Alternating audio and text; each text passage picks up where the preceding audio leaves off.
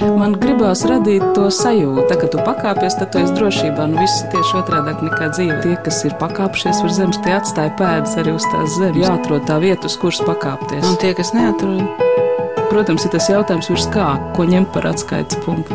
augstāk par zemi. Augstāk par zemi. Augstāk par zemi. Te ir vēl ļoti ritmisks dzējolis, kur autors ir Hagivara Sakutaro, un tas ir bambus. Apspīdētā zemē bambus aug, zaļš bambus aug, pazemē bambusa saknes aug. Saknes pamazām sašaurinās, no sakņu galiem spurgaliņas aug, nemanāmi spurgaliņas aug, nemanāmi trīs.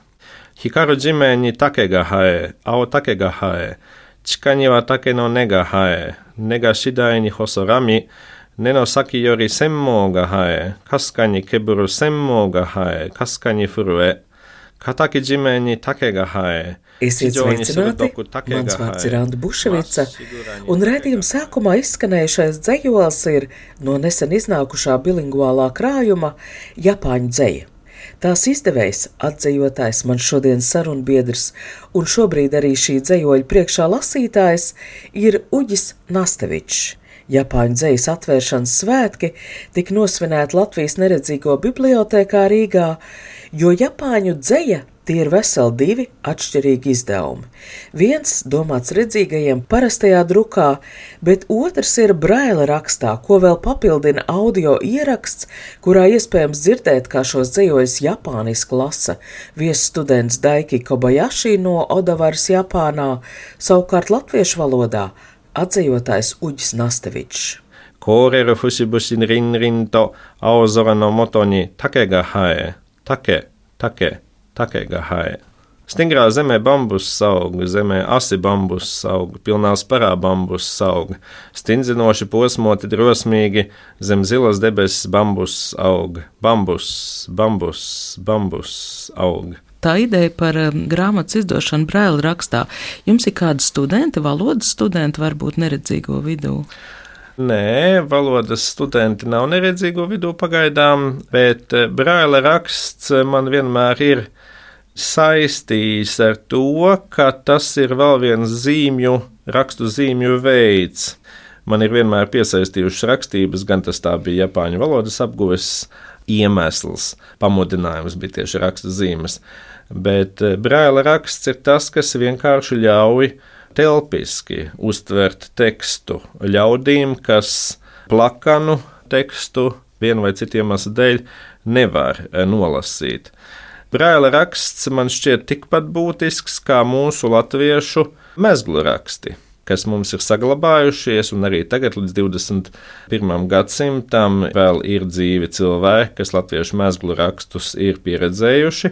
Mēs zinām dainās par dziesmu kamoliem, dziesmu stinu kamolā. Kad aizgāja tautiņās pa vienam šķetināju, tās nav metafāras, tie ir reāli taustāmi mezgla raksti, Un eh, tas arī ir viens no maniem pētījumiem, ko es esmu veicis par to, ka alfabētiskā rakstība nebija pirmā, kas mums parādījās latviešu valodas pierakstam.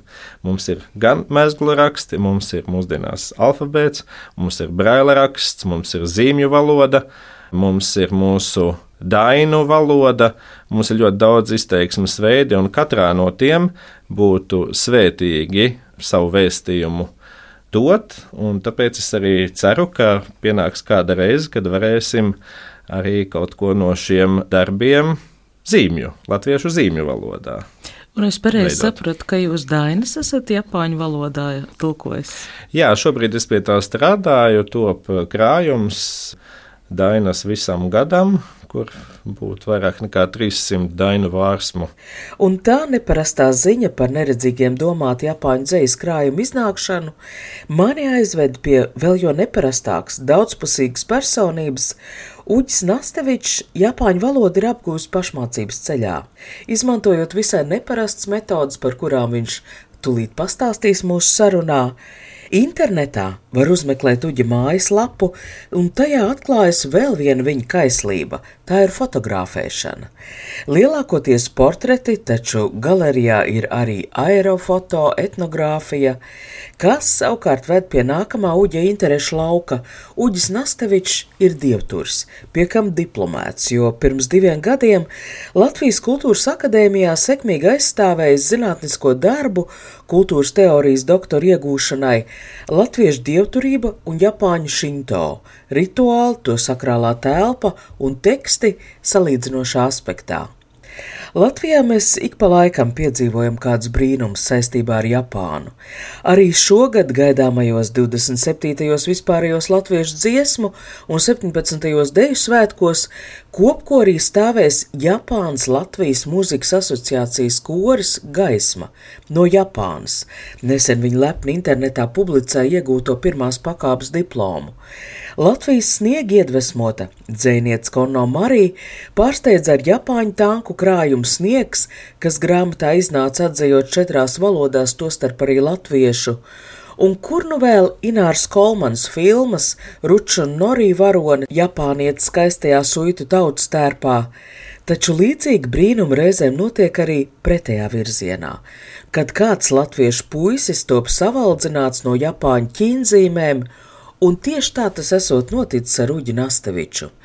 Patiesi, Japāņu valoda man uzrunāja ar tās rakstu zīmēm. Man ļoti patika tas, ko es redzēju. Man šķita, ka tie ir mākslas darbi. Katra viena zīme, patiesībā tā arī ir. Katra zīme satur kādas sastāvdaļas, kas liecina par to piederību noteiktai tēmai, piemēram, ozols, kļāva, priede. Tās visas zīmes satur sastāvdaļu koks. Prieks, dusmas, sēras, satura sastāvdaļu sirds. Pat ja jūs nemākat vēl šīs zīmes izlasīt to pilnībā, jūs vismaz varat jau minēt, par ko varētu būt runa. Latviešu valodā cilvēks iemācījies vārdu kazas, sastopot vārdu kāzas, diez vai varēs šādu pašu minējumu sekmīgi veikt. Bet izstāstiet, kā tas bija. Jūs šķirstījāt kādu konkrētu grāmatu, kāda bija šī pirmā sastapšanās ar hieroglifiem, un kur jūs ņēmāt pietiekami daudz informācijas, lai kļūtu par to, kas jūs šobrīd esat kļuvis - par lektoru, par gidu. Biju dzimis padomju okupācijas laika pēdējos gados, un toreiz Daudziem mājās bija sējumu kopums, kas saucās Latvijas padomju enciklopēdija. Man patika šķirstīt dažādu uzziņu literatūru, un tur starp citiem šķirkļiem es uzgāju to, ko sauc par japāņu valodu. Un turpat līdzās bija arī tabula ar šīm rakstu zīmēm. Izlasot tekstu, atcerējos, ka biju redzējis arī citvietu līdzīga veida rakstu zīmes. Tā bija sadaļa par ķīniešu valodu, Bet eh, papētot tuvāk, es sapratu, ka Japāņu valoda man uzrunā vairāk, meklēju iespējas, kur varētu šo valodu apgūt.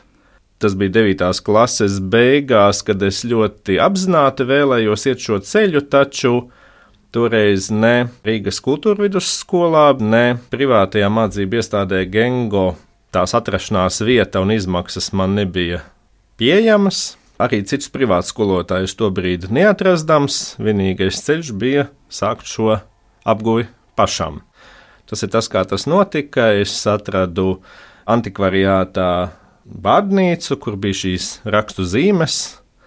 Tās zīmes, kas man uzrunāja vizuāli, tās izrakstīju un centos iegaumēt. Man nebija skolotāja blakus, kas man norādītu, kā labāk. Tas viss notika pašplūsmā. Bet es nezaudēju motivāciju, jo katrs solis, ko es veicu, bija tāds, kas man sagādāja gandarījumu un prieku. Pēc tam jāsaka paldies Igauniem, kas izgudroja Skype, jo Skype ļāva sazināties mutiski, attīstīt klausīšanos. Jāsaka paldies manam vecstāvam, kurš strādāja VFā, jo tur tika radīts šis uh, risinājums, ko sauc VF Sigma, tā bija magnetola, kas, pateicoties arī manam vecstāvam, varēja uztvert vairāk frekvences nekā parasts šāds radio modelis. Un ko tad jūs uztvērāt? Japānas. Japānas raidījumus bez trokšņiem, bez traucējumiem, dziļā, skaidrā valodā. Tas ļāva iepazīt šīs valodas skanējumu, kas pastiprināja interesi Un tad jau, kad vidusskolu biju beidzis, es arī vienu īsu laiku pabiju Latvijas Universitātē, Āzijas studiju nodaļā. Tad eh, šīs studijas pametu, turpināju pašmācībā. Labs pamudinājums valodu turpināt. Vēl dziļāk apgūt bija 2007. gads, jo tad piedalījos sestajā Latvijas-Japāņu valodas runas konkursā, kur uzvarēju un balvā saņēma divas vērtīgas lietas. Viena ir eh, elektroniskā vārnīca, kuru kopš 2007. gada esmu lietojis dienā, un tā vēl dīvainā kārtā ir ieslēdzama. Tajā mēs varam redzēt šķirkli, kas saucās Latvija, Latvijas Republika, Japāņu valodā. Un šī vārnīca vēl joprojām strādā. Es nezinu, vai ir daudz tādas elektriskās ierīces, kas spēj darboties. Tagad jau 15 gadi, vai ne? 16 gadi laikam, kopš es to sāku lietot. Un šī vārnīca ir viena, otra lieta ir pirmo reizi iespēja apceļot Japānu. Tas arī bija 2007. gads. Tas bija tas pats gads, kad Latvijā viesojās pirmo reizi vēsturiski Japānas imperatora pāris, kuram man bija tas gods tulkot priekš televīzijas šīs vizītes laikā. Tas bija pagrieziena gads, toreiz man bija 19 gadi, un es varēju, būdams Japānā, iepazīt vaigu vaigā to, par ko es biju lasījis, ko es biju raudzījies grāmatās, tīmeklī, un pārliecinājos, ka šī valoda, un vēl jau vairāk kultūra, garīgā kultūra man ļoti saista un uzrunā. Šai Uģnasteviča stāstā valdzinošākā man šķiet sajūta, ka nav nekāda robeža, viss ir iespējams, viss ir paveicams. Kā tas bija ar Latviju dainām? Tur arī kāds impulss. Jā, stāsts ir interesants. Varētu teikt, kā atspoļu kuģis izplatījumā, jo pirms skolas man bija tā laime pabūt uh, iestādē, ko sauca Sējējiņš. Tā bija bērnu estētikas skoliņa, kas iekārtota Krišāņa Barona memoriālā muzeja telpās tepat Rīgā. Tur es pavadīju pie šīs dainu skapja replikas un uh, Krišāņa barona mantojuma vitrīnām vairākas nedēļas, mēnešus, un Tas tādā zemapziņas līmenī iesēja sēklu cienīt savas tautas garamantas, vidusskolas eh, nogalē bija uzdevums analizēt eh, kādu no vārdu veidiem latviešu valodā, un man iekrita tieši arhaismi. Un eh, tas uzjundīja atkal šīs pirmsskolas laika atmiņas, tapa īsfilma, saucās Vilkatis ar skolas biedriem un citiem jauniešiem, sadarbojoties šī pašā etnogrāfiskajā brīvdabas muzejā. Tas bija tas otrais. Un tad trešais bija tas, ka iepazīstot Japāņu kultūru un esot uz vietas Japānā, iepazīstot, ka Japāņiem ir sava šī garīgā tradīcija, es sajūtu tādu ļoti savādu tuvības sajūtu. Esot tur, Japānā, pieredzot šos svētkus, ko Japāņi svin, man likās, kā tad tā šķiet, ka esmu Latvijā. Iepazīstot Šinto, Es kā atspūļu kuģis atgriezos Latvijā un sapratu, ka mums taču ir pašiem arī savs garīgais mantojums. Klusiet, jauni, klusiet, veci, Dievs ienāca istabā. Klusiet, jauni, klusiet, veci, Dievs ienāca istabā. Dievs ienāca istabā. Dievs ienāca istabā, izstājas mūsu pulciņā. Dievs ienāca istabā,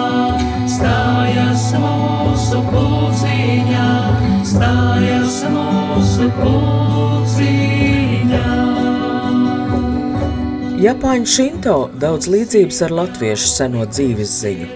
Arī šinto dievības iemiesojas dabas parādībās, vējā, lietū, kalnā, kokā. Šinto izveidojas laika posmā no 8. līdz 12. gadsimtam, un līdzīgi kā latviešu folkloras motīvi sajaukušies ar kristietību, šinto ir sajaucies ar budismu.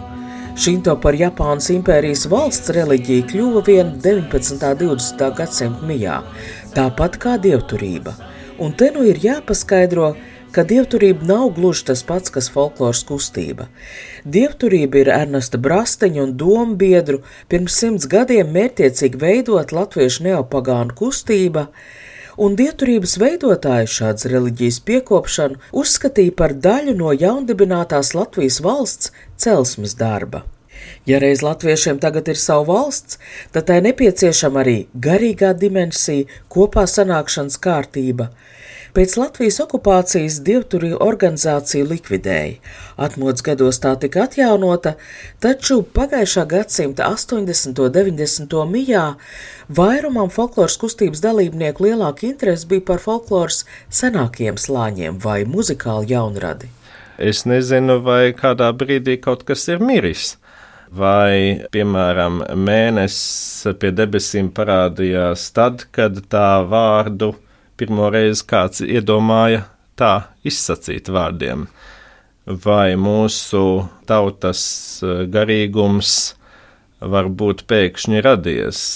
Jā, 19. gadsimta otrajā pusē, 20. gadsimta 20. gados, 30. gados notika latviešu dievestības sakārtošanas darbs. Un, um, tas, kas bija saglabājies tautā un nevienā brīdī nebija apsīcis, tas vienkārši tika sakārtots tādā veidā, ka to var pazīt arī kā reliģiju. Tā tika pieregistrēta attiecīgā brīdī kā reliģiska savienība, un tā turpinās šodien un drīz svinēs sava drukātā vārda simtgadi. 25. gadā pirmo reizi vārds dievturība tika uz papīra uzlikts, un uh, kopš tā laika tūdaļ būs simt gadi, bet simt gadi ir šim vārdam, nevis tradīcijai. Ja mēs uh, noņemtu nost no mūsu identitātes visu to, kas ir uh, atrodams kopīgs citām tautām, citām kultūrām, citām tradīcijām, kas tad paliek pāri. Es strādāju arī kā gids ļaudīm no citām zemēm, protams, lielākoties no Japānas, bet ne tikai. Un viņi saka, jā, mēs te vecpilsētā esam atskatījušies ļoti daudz to, kas ir tāpat redzams arī citās pilsētās, mūsu pašu pilsētās. Parādiet to, kas ir saudabīgs jums. Un tad šie cilvēki, viļus vai neviļus, nonāk piemēram Brīdabas muzejā, viņi ēd mūsu tautas ēdienus, viņi pieredz danču vakarus vai dziesmas, un viņi nonāk dievturu rīkotos gadskārtu svētkos, un tad viņi saprot, ā, latviešiem ir arī kaut kas savs. Kas ir līdzīgs šintonu, ja salīdzina ar dievturību, vai varat paraksturot? Jā, patiesi šis pētījums atklāja daudz sakarības. Pirmkārt, jau to, ka dabas tuvība un sadzīvošana ar dabu ir ārkārtīgi būtiska abām tradīcijām. Gan dievturība, gan šinto ir sakārtotas, kādas tās mēs pazīstam šodien tikai no 19. gadsimta otrās puses līdz 20. gadsimta pirmajai pusē abām tautām ir bijusi līdzīga vēstures gaita, gan saskarsmē ar citām kultūrām, citām reliģiskajām tradīcijām. Tāpat pievēršanās zemkošu sabiedrībai arī ir vienlaicīgi. Nākošais gan dievturībā, gan šinto cilvēku uzskata kā pirmatnēji labu. Tas nozīmē, ka viņā nemeklē kādu vainu, bet uh, cilvēks eh, var pastrādāt kaut ko nelāgu, un viņam ir svarīga attīrīšanās. Tātad šie gadsimtu godi ir vērsti uz to, lai cilvēks iesāktu nākošo posmu ar tīru lapu. Cilvēks ir sabiedrības daļa, Un eh, ļoti būtiska ir šī piederība tautai. Gan dievturu, gan šinto tradīcija ir izprotama tikai tad, ja ir apgūta šī valoda, un ne jau tikai latviešu vai japāņu valodu mūsdienu izpratnē, bet tieši senie slāņi, kas ļauj to pašu tekstu izlasīt varbūt ar dziļāku izpratni. Kas kopīgs? Protams, ka šis eh, redzējums par to, ka cilvēks ir eh, pēctecis saviem senčiem. Tātad senču godināšana, tautas turpināšanās ir ārkārtīgi būtisks nosacījums, un tāpēc arī katrā reizē abu tradīciju svētkos tiek pieminēts senču mantojums un tas, ko viņi ir devuši. Tātad arī šī tradīcijas turpināšana ir pašu šīs tautas pārstāvju pienākums, jo neviens cits jau to nedarīs viņu vietā.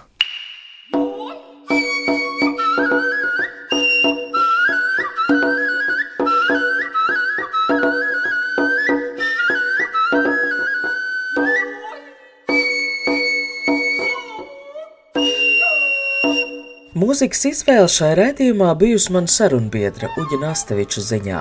Gan iepriekš Liepājas folk grupas baļķu dziesmu Klusat jauni, klusat veci, gan arī šī šorinka, jeb ievainotā meža auglis no 1998. gadā Zun izstrādātās video spēles Toho Gensokjo skaņu celiņa.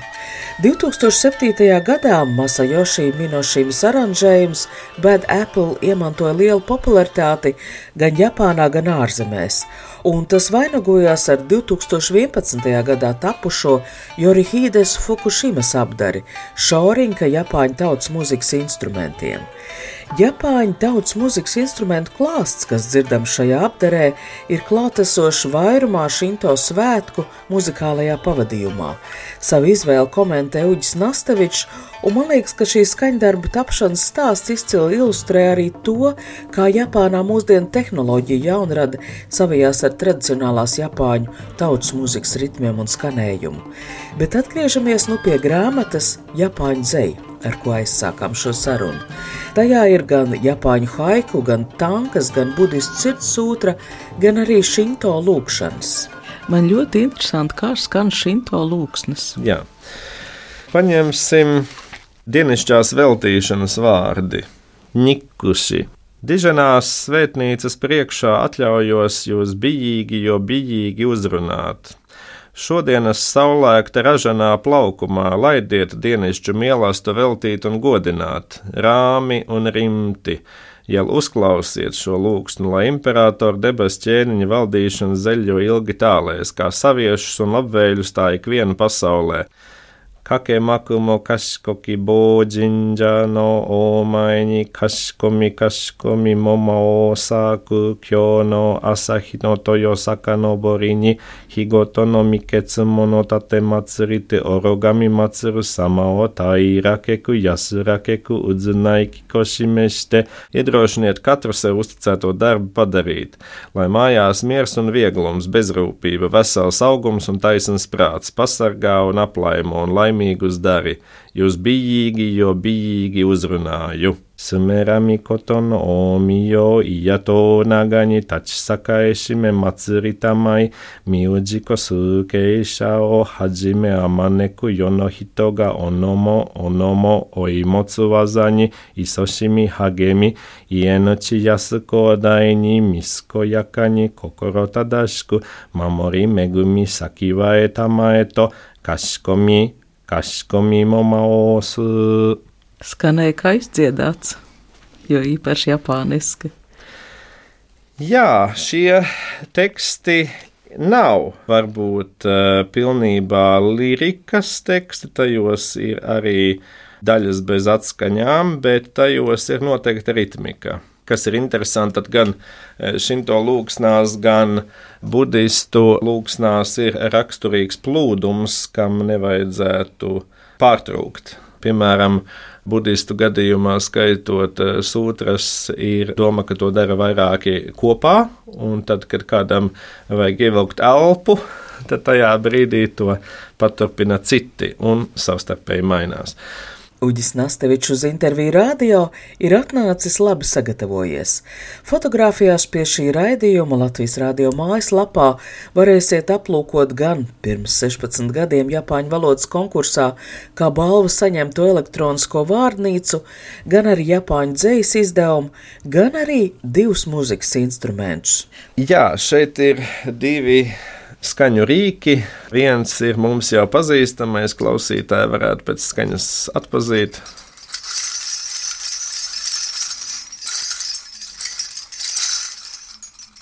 Šis ir trīdeksnis, un otrs ir Kaguras uz no Japānas.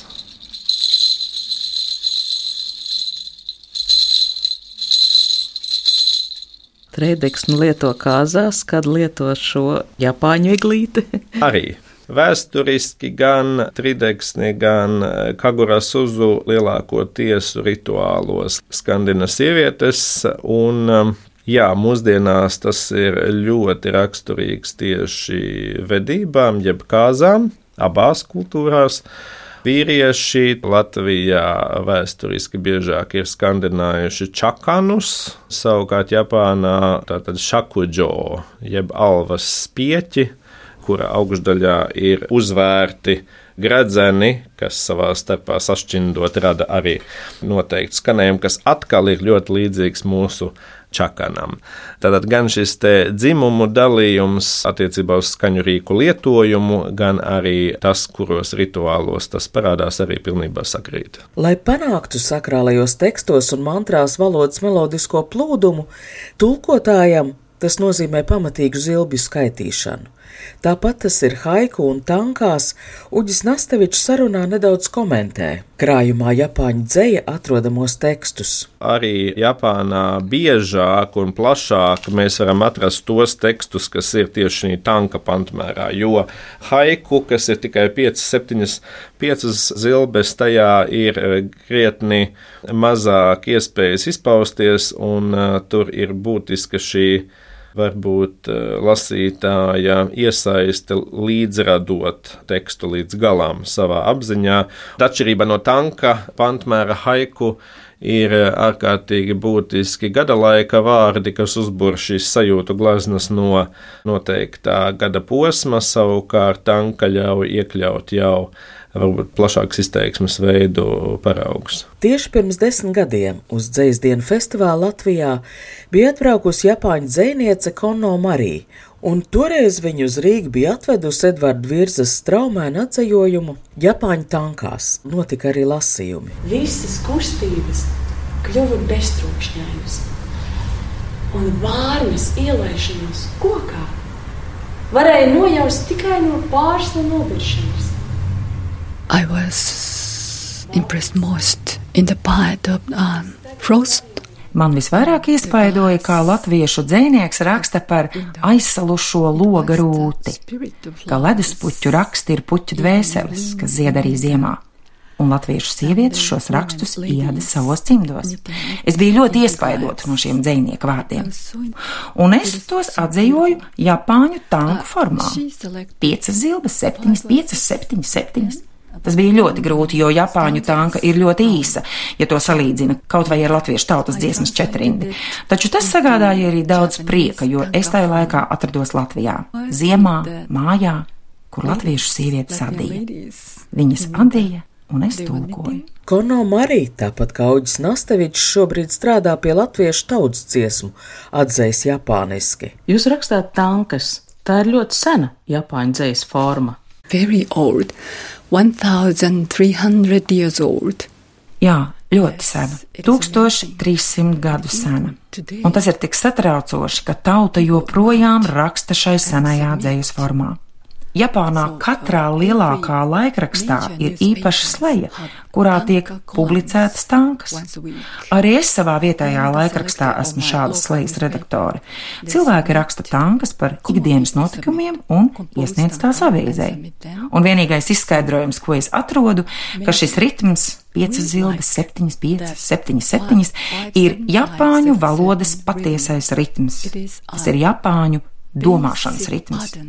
Ja kaut kas šķiet skaists un tu tajā jūties labi, tas visticamākais skan kā 5, 7, 5, 7, 7. Dainu valodā ir noteikti izteiksmes līdzekļi un um, principi, ko ievērojot arī jaunradītie teksti cik tālu tajos varbūt neparādās 21. gadsimta reālijas, var tikt noturēti kā pirmotnēji autentiski dainu teksti. Tā kā es tikai priecātos, ja mūsu dzinieki, dzinieces arī ielūkotos šī pantmērā, šī žanrā un turpinātu iesākt to. Ar Rūķi Nasteviču, Japāņu valodas pasniedzēju, gīdu fotogrāfu atzīvotāju, sarunājās Anda Bušvica. Šī raidījuma skaņoperators Valdis Raitums.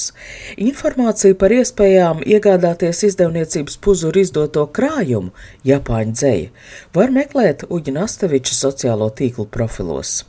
Tā kā tu pakāpies, tad tu esi drošībā. Nu, viss ir tieši otrādi nekā dzīve. Tas ir tā spēle, jā. Tie, kas ir pakāpšies virs zemes, tie atstāja pēdas arī uz tās zemes. Protams, ir tas jautājums, ko ņemt par atskaites punktu. Nē, nu, principā ir skaidrs, augstāk par zemi. Jāatrod tā vieta, uz kuras pakāpties. Augstāk par zemi. Augstāk par zemi. Augstāk par zemi.